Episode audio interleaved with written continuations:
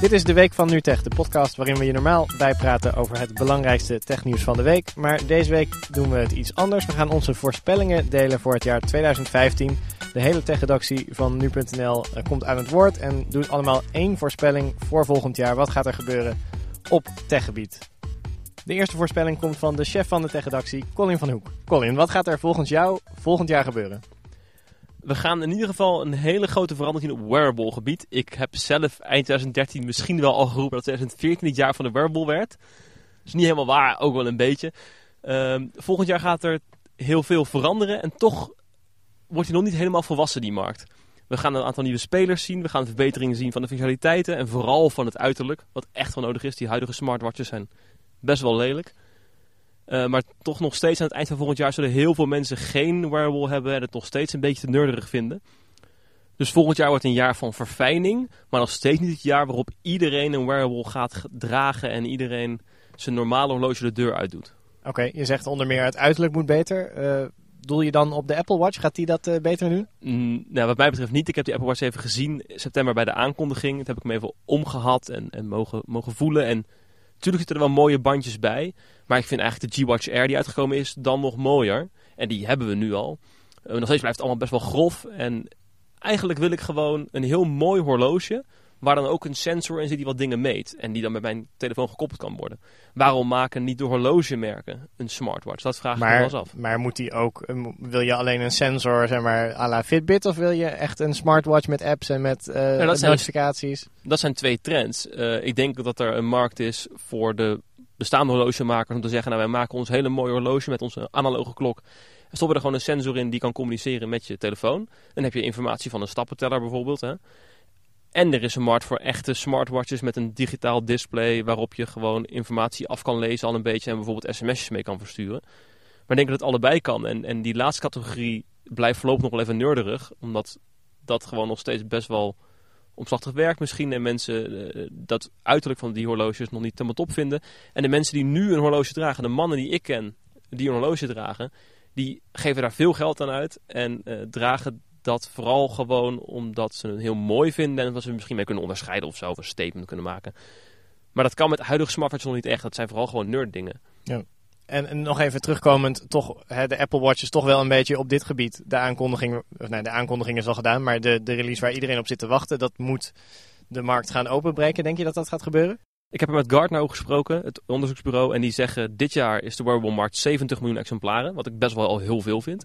En volgend jaar is het 68 miljoen dat is een kleine krimp is. En dat zou dan komen omdat uh, bepaalde elementen van bijvoorbeeld zo'n stappenteller worden al in een telefoon verwerkt. Dus mensen gaan dan niet meer een losse stappenteller kopen, maar doen het gewoon via hun telefoon. En het jaar daarna gaat het doorgroeien. Maar dus volgend jaar de introductie van de Apple Watch gaat geen grote invloed hebben op de verkoopcijfers. Dat denk ik ook niet.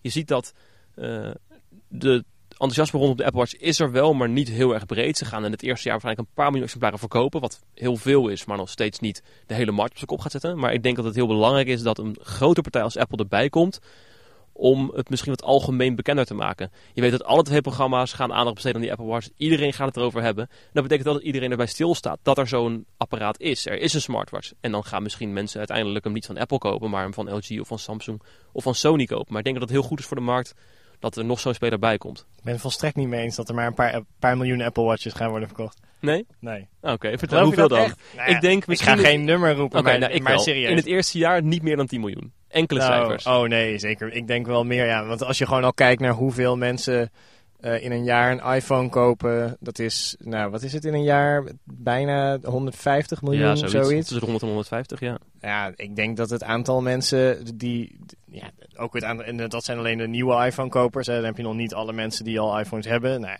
er zijn zoveel mensen die gewoon zo'n ding willen hebben, zo'n gadget willen proberen. Het kost dan wel, weet je, die goedkoopste is 350 ja, maar dollar. dat vooral. Heel duur vergeleken met bestaande smartwatches. Ik denk ook niet dat die heel veel meer zal kunnen of zo. Ik, ik, ik denk niet dat de Apple Watch een revolutionair apparaat wordt.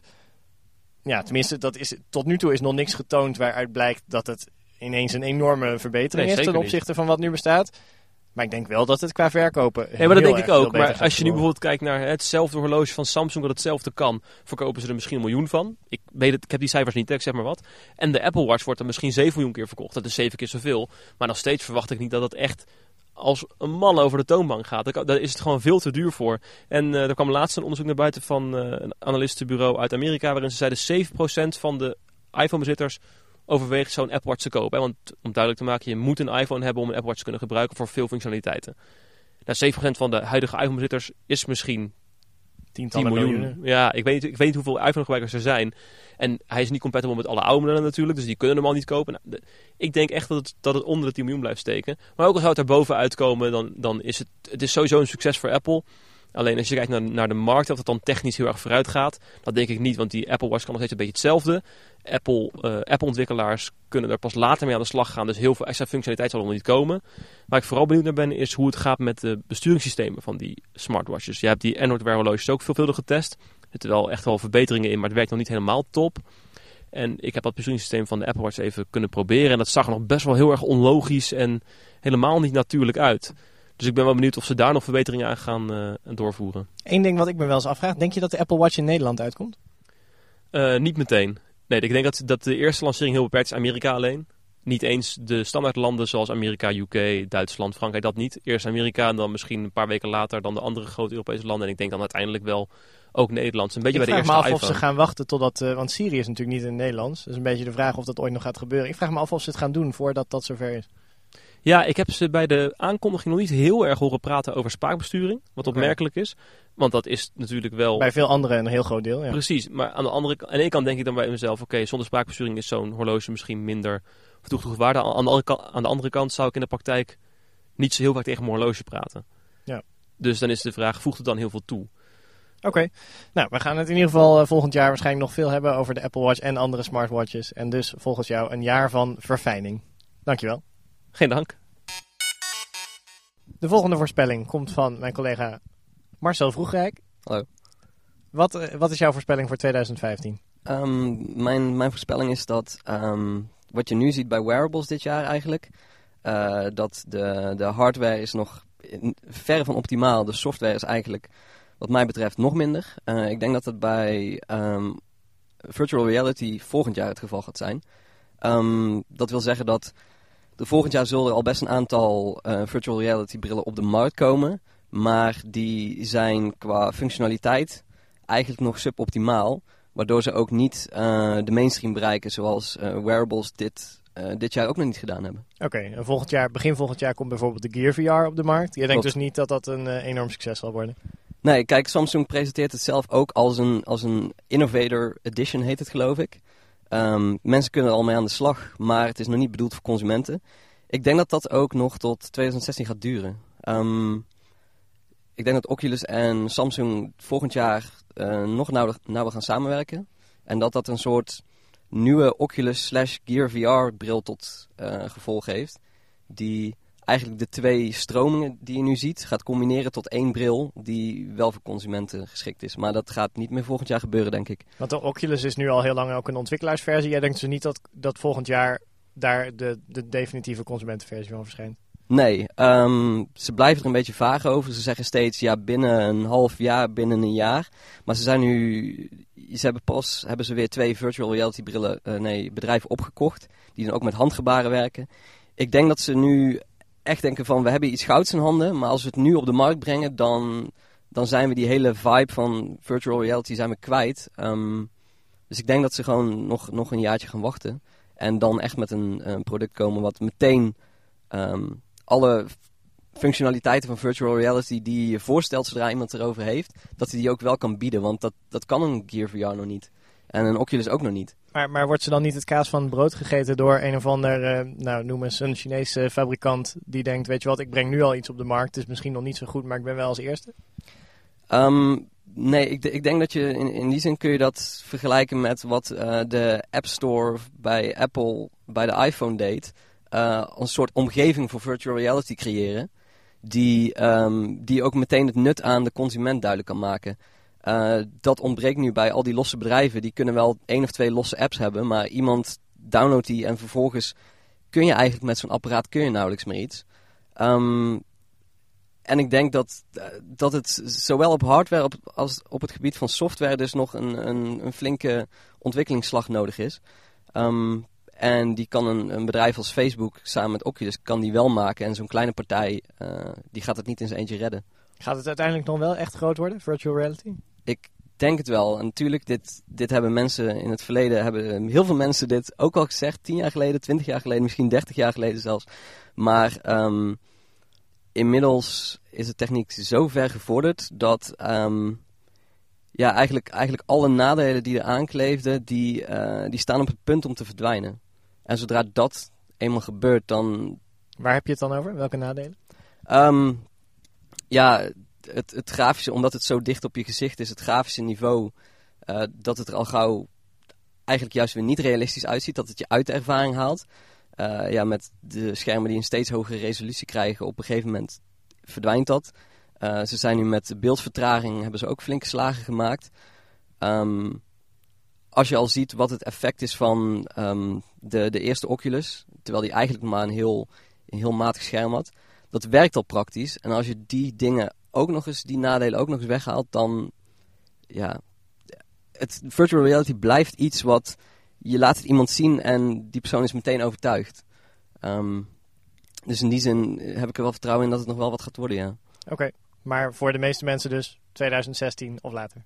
Ja, klopt. Tot die tijd um, ja, zie, zie ik het nog niet gebeuren. Dan, dan, voor ons is het heel tof om te doen. Alleen dat gaat de, de mainstream consument gaat het nog niet bereiken, nee. We gaan het zien. Dankjewel. Ik ben benieuwd.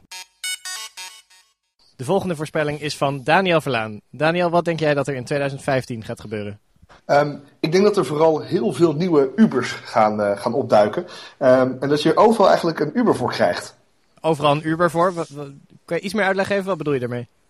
Uh, nou, Uber heeft, ermee, heeft eigenlijk um, het, het, het idee van zeg maar, een app daar ergens op drukken en dan een dienst krijgen, heeft dat opeens heel groot gemaakt. De Airbnb en zo zit er ook al een beetje mee te spelen. Maar Uber heeft het eigenlijk groot gemaakt in de zin dat het heel makkelijk is. En dat je altijd en overal gewoon je telefoon kan pakken en dat je iets kan vragen, een dienst of, of weet ik veel wat.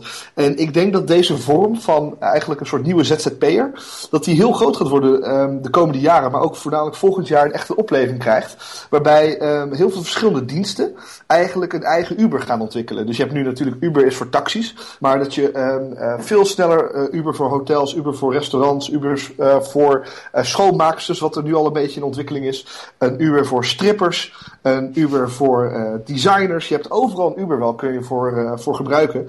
En het is heel handig, want je hoeft eigenlijk alleen een app te ontwikkelen. Je laat er allemaal ZZP'ers bij komen. En ZZP'ers zijn al sinds de afgelopen paar jaar enorm populair sinds de recessie. Dus je, je, je maakt eigenlijk alleen een platform. En de ZZP'ers die komen vanzelf wel. Dus het is eigenlijk heel slim om nu een Uber voor iets te gaan beginnen. Oké, okay, en je zegt een, er zijn een aantal die al bestaan. Airbnb is een voorbeeld. Helpling is inderdaad een uh, met schoonmakers. Zijn er nog bepaalde dingen waarvan je denkt dat is echt een gat in de markt, daar moet een Uber voor komen? Nou, eigenlijk uh, alle diensten die je vooral, zeg maar, die heel populair zijn in Nederland, dat is nu op zich heel handig om daar een Uber voor te maken. Ik denk dat je eerst moet beginnen met de standaarddiensten, zoals inderdaad hotels, restaurants, um, taxis. Um. Hoe, hoe zie je dat dan voor je met restaurants? Want dan heb ik een app en dan bestel ik een restaurant of een... Nou, um, uh, ik, ik, denk dat um, uh, met een restaurant is bijvoorbeeld heel handig als je een app hebt en uh, je kunt die app kijken en je ziet gelijk in de buurt wat, er, wat er eigenlijk is. Dat heb je natuurlijk al met Foursquare of zo. Maar dat je meteen eigenlijk een soort tafel kan reserveren met een druk op de knop. Want heel vaak is het zo dat je heel vaak niet weet of er een tafel vrij is. Of dat je kan zien meteen van hé, hey, over een kwartier is daar een tafel vrij. Maar over een half uur is daar bij dat andere leuke restaurant een tafel vrij. Wil je daar dan een half uur op wachten? Of zullen we dan even snel nog tien minuutjes een, een, een hapje doen met het andere restaurant? Dus op zo'n manier dat je veel beter kan inschalen wat je nou eigenlijk precies kan doen met je tijd. En, dat, en voornamelijk um, als je in de stad bent, überhaupt al. Want uh, als je in de stad bent, dan moet je dus vaak een restaurant gaan zoeken. En dat is een beetje lastig dan. En dan kan je wel Foursquare gebruiken voor tips. Maar Foursquare is alleen voor tips. En ik wil liever eigenlijk ook weten hoe druk is het in het restaurant. Um, uh, is er een tafel beschikbaar over dan en dan? Wat zijn de speciale aanbiedingen voor die dag? Dat soort dingen is dus wel heel interessant. Ja. Weet je wat ik echt wil? Dat, mm -hmm. dat in Nederland ook Fiverr wordt gelanceerd. Ik weet niet of je dat kent. Fiverr met twee R'en. Uh, wat is het ook alweer? Dat is in San Francisco dat je mensen voor 5 dollar een klusje kan laten doen. Ja. Gewoon iets randoms. Ja, precies. Je hebt dat natuurlijk ook met, in Nederland met, eh met studentwerk bijvoorbeeld. Dat studenten gewoon klusjes voor je komen doen. Ja. Eh, mijn broer heeft net eh, een paar studenten ingehuurd om te verhuizen. Dan betaal je een paar honderd euro en die studenten die, die verhuizen alles voor je. En dit soort dingen, dit zou ideaal zijn voor Uber. En het, het, het belangrijke aan Uber is, dit soort initiatieven zijn helemaal niet zo nieuw. Alleen de Uber, Uberisering eigenlijk is het zo dat die diensten veel makkelijker worden gemaakt om te krijgen. Dus je kunt op die app drukken en je hebt, weet precies wanneer er iets komt, hoe duur dat ongeveer is, hoe lang het gaat duren, dat soort dingen. En dat, is, dat heeft Uber uitstekend gedaan. En dat, zie ik heel, dat, dat wil ik heel graag terug gaan zien bij verschillende diensten. Dus als mijn, mijn gootsteen kapot gaat, dat ik op, de, op een Uber voor, zeg maar, groot, eh, ehm, of ehm, hoe heet dat ook weer? Loodgieters. Loodgieter, ik wil grootliter zeggen. Ehm, eh, dat als, je, dat er, eh, als mijn gootsteen kapot gaat, dat ik dan op een, eh, dat ik een app kan openen voor loodgieters. En dat ik dan kan drukken op een knop. En dat ik zie binnen een half uur staat die en die persoon voor de deur. Het gaat ongeveer een uurtje kosten. Ehm, dat zijn de, de, je hebt ongeveer dan en dan een prijs. En dat ik daarna ook een beoordeling aan die persoon kan geven. Dat hij het heel goed heeft gedaan. En dat die persoon dus vaker wordt gekozen dan andere loodgieters. Dat is een heel slim systeem. Wat op zich heel gewoon heel democratisch werkt. En eh, je hebt dus dit soort voor loodgieters. En wat jij net zei over studenten. Of over eh, zeg maar gewoon überhaupt klusjes voor 5 dollar. Dit soort dingen zijn enorm interessant. En je ziet dat er steeds meer van dit soort diensten gaan oppoppen overal. Want je moet het natuurlijk heel erg maken op een manier dat het eh, zeg maar specifiek is. Dus je hebt bijvoorbeeld een app voor, eh, voor inderdaad voor schoonmaakers en een app voor taxichauffeurs. En het, het zal heel moeilijk zijn om deze app voor iedereen te ontwikkelen. Want dan wordt het heel erg onoverzichtelijk. Dus je zult heel veel verschillende eh, start-ups krijgen die zeg maar, het Uber-model hanteren voor een dienst naar keuze. Oké, de veruberisering in 2015. We gaan het zien. Dankjewel. Jo. De volgende voorspelling komt van Thomas Moerman. Thomas, wat gaat er volgend jaar gebeuren volgens jou? Ik denk dat in 2015 eh, we afscheid nemen van het traditionele wachtwoord. Nooit meer zullen we moeilijke combinaties van eh, cijfers en letters invullen. Ehm, en kunnen we gewoon inloggen met een makkelijke code of met je, eh, met je vingerafdruk. Ik heb bijvoorbeeld een, een Belgische bankrekening, vraag me niet waarom. En op die app kan ik me nu al inloggen met Touch ID. Dat kennen we natuurlijk al van onze telefoon. Eh, en er wordt nu net de eerste standaard uitgebracht voor eh, ja, een alternatieve authenticatiemethode van de FIDO Alliance. Klinkt ingewikkeld. Komt erop neer dat ehm, alle, ehm, ehm, eh, op het moment zijn alle manieren van wachtwoorden et cetera, en authenticatie nog allemaal, allemaal op een andere manier gedaan. Iedereen heeft zijn eigen methode om ervoor te zorgen dat je wachtwoord goed wordt vergrendeld et cetera. Er geen standaard voor. Die standaard is nu uitgebracht, waar ook een vingerafdrukscanner eh, ondersteuning bij zit, et cetera. En nog meer andere handigheidjes. Alle grote spelers zijn aan boord. Samsung, Google, eh, PayPal, et cetera.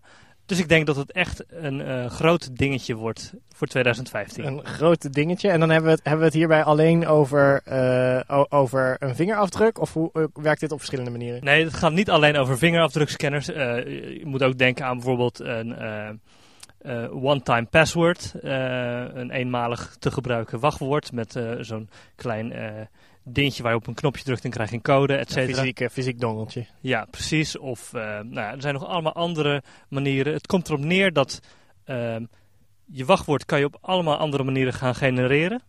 Eh, maar dat komt uiteindelijk allemaal op hetzelfde uit. Snap je wat ik bedoel? Maar eh, wat je zegt is dus, al die, die, die andere manieren, je vingerafdruk is eigenlijk gewoon een andere manier. Je hebt nog wel een wachtwoord, maar die hoef je niet meer zelf in te tikken. Je doet het op een andere manier. Ja, het maakt niet uit of je eh, je, je vingerafdruk gebruikt de ene keer of een pincode de andere keer. Dat, dat eh, is allemaal om het even. En, dus kan je op je op je telefoon inloggen met je vingerafdruk, als dat makkelijk uitkomt, op je laptop met een pincode, et cetera. Dus het wordt allemaal veel gemakkelijker. Ik ben benieuwd. Ik ook. De laatste voorspelling van deze podcast komt van Florispoort. Floris, wat gaat 2015 brengen? Nou, ik denk dat eh, het gebruik van Facebook als sociaal netwerk eh, behoorlijk gaat teruglopen. Waarom? Eh, dat denk ik om meerdere redenen. Ten eerste omdat er in Amerika vooral veel onderzoek naar gedaan wordt. Dat zijn investeringsmaatschappijen die, ja, da daar is het interessant voor sinds Facebook een, een beursgenoteerd bedrijf is. Om in de gaten te houden hoeveel gebruikers Facebook heeft. En dan met name de tieners. Want die zijn eh, wat sociale netwerken betreft vaak toonaangevend en ook het meest eh, relevant. Omdat die ja, zulke netwerken het meest gebruiken. Uh, en er zijn twee onafhankelijke maatschappijen die ja, los van elkaar tot ongeveer dezelfde conclusie zijn gekomen. Namelijk dat het zeker in uh, 2014 flink is teruggelopen. Het gebruik van Facebook tussen ja, 13 en 17, 18, 19-jarigen. En wat, is daar duidelijk wat, wat, wat daar de reden van is? Waarom gebruiken tieners Facebook niet meer? Uh, nou, daar is niet per se een, een, een, duidelijke reden voor te geven waarom ze uh, echt stoppen met Facebook. Maar er is wel te zien dat ze meer gebruik gaan maken van andere sociale netwerken. Uh, een van die netwerken is Instagram, dus daar heeft Facebook dan weer geluk bij. Dat, is, ja, dat hebben ze net gekocht, dus dat, ja. ja. dat was waarschijnlijk voorzien. Uh, dus op die manier zal Facebook wel uh, enerzijds of anderzijds relevant blijven. Maar als sociaal netwerk denk ik dat het, uh, dat het in 2015 wel eens flink terug zou kunnen lopen. Maar toch, als je bij een gemiddeld persoon op een, op een smartphone kijkt... als je in de rij voor de supermarkt over de schouder kijkt van degene voor je... dan zitten ze op Facebook. Toch, gemiddeld? Nou, ik heb het idee dat dat dus terugloopt. Dat heb ik in mijn eigen vriendenkring een beetje het idee. Ik kijk ook minder op Facebook dan, dan begin dit jaar bijvoorbeeld. Daar betrap ik mezelf op. Ik vind het een stuk minder uh, noodzakelijk als sociaal netwerk. Er staan minder boeiende dingen op. Dus dan neem ik ook direct aan dat veel van mijn vrienden hetzelfde doen. En als ik het ze vraag, dan klopt het inderdaad ook wel. Oké. Uh, ik denk dat het er ook wat mee te maken heeft dat we afgelopen jaar natuurlijk uh, wat sociaal media, ja, internet cloud-achtige hacks hebben gehad. Uh, waardoor mensen zich waarschijnlijk ja, bewuster zijn geworden van hun privacy. En dan is Facebook, uh, dan is Facebook niet het meest privacyvriendelijke sociale netwerk. Want het, ja, het is er juist op gemaakt om zoveel mogelijk te adverteren wat jij uh, neerzet. En ik kan me voorstellen dat veel mensen dat ondertussen in het verkeerde keel gaat schieten. Bij mij in ieder geval wel zo. Maar als je contact wil opnemen met iemand, tenminste dat, dat zeg ik als iemand... Ik, ik ben zelf gebruik Facebook nauwelijks. tenminste om statusupdates te plaatsen en zo, dat doe ik mm -hmm. eigenlijk bijna nooit. Maar als je contact wil opnemen met iemand en je hebt zijn telefoonnummer niet of zo, de plek waar je iedereen altijd kan vinden is Facebook, toch? Ja, dat is wel zo. Maar als sociaal netwerk bedoel ik dus, loopt het, ja, weet je, status-updates doe je niet meer. Het is, het is wel een handige aggregator. Dus ik denk wel, ja, Facebook heeft wel goud in handen nog steeds. Wat betreft de, de ja, de informatie die ze in handen hebben. Uh, dat zal ook nog wel een tijdje zo blijven. Ze hebben bijvoorbeeld ook de, de Facebook login. Uh, die tellen zij ook mee als actieve Facebook gebruiker. Dus ik lijk waarschijnlijk een hele actieve Facebook gebruiker. Omdat je inlogt in games en andere ik apps. Ik overal met, in met die, want ik ben heel lui. Dus ik gebruik die Facebook login. Dat is een optie. En dan hoef ik alleen maar daarop te drukken. In plaats van al mijn gegevens nog eens in te typen. Verificatie, mail te beantwoorden, et cetera. Nu hoef ik alleen maar op oké te drukken. Dus dat is wel een van de hele makkelijke functies van Facebook. Maar als sociaal netwerk, dus ja, puur het, het posten van status-updates, dat heb ik echt het idee dat dat terugloopt. Kan Facebook daar nog iets aan doen, denk je, om dat tegen te gaan? Ik weet niet of het per se nodig is. Het is, uh, ja, Facebook is ook een veranderend bedrijf. En het, ja, de sociale netwerken zijn een heel wispelturig ding. We hebben er een paar zien doodgaan. En als eenmaal de, de ja, de, de, het vertrek is ingezet, dan, dan kan het heel snel lopen. Uh, ik denk dat Facebook er goed aan heeft gedaan om bedrijven te kopen als Instagram en WhatsApp. Die nadrukkelijk uh, ja, meer gericht zijn op, op, op persoonlijk contact. En minder op het volledig massale uh, ja, beschrijven van je hele leven. Dus ik denk dat daar heel veel kansen op Facebook liggen. Plus ja, die, die Facebook login, als ze daar slimme extra's op bedenken... die het ja, inloggen en managen van accounts nog makkelijker maken... dan zou dat best wel eens een heel waardevol los product kunnen worden. Oké. Facebook minder populair in 2015. Dankjewel Floris. Dat was het weer voor deze week van NuTech. Behalve dan dat we mijn voorspelling nog niet hebben gehad. En dat is dat volgend jaar Taylor Swift terugkomt op Spotify.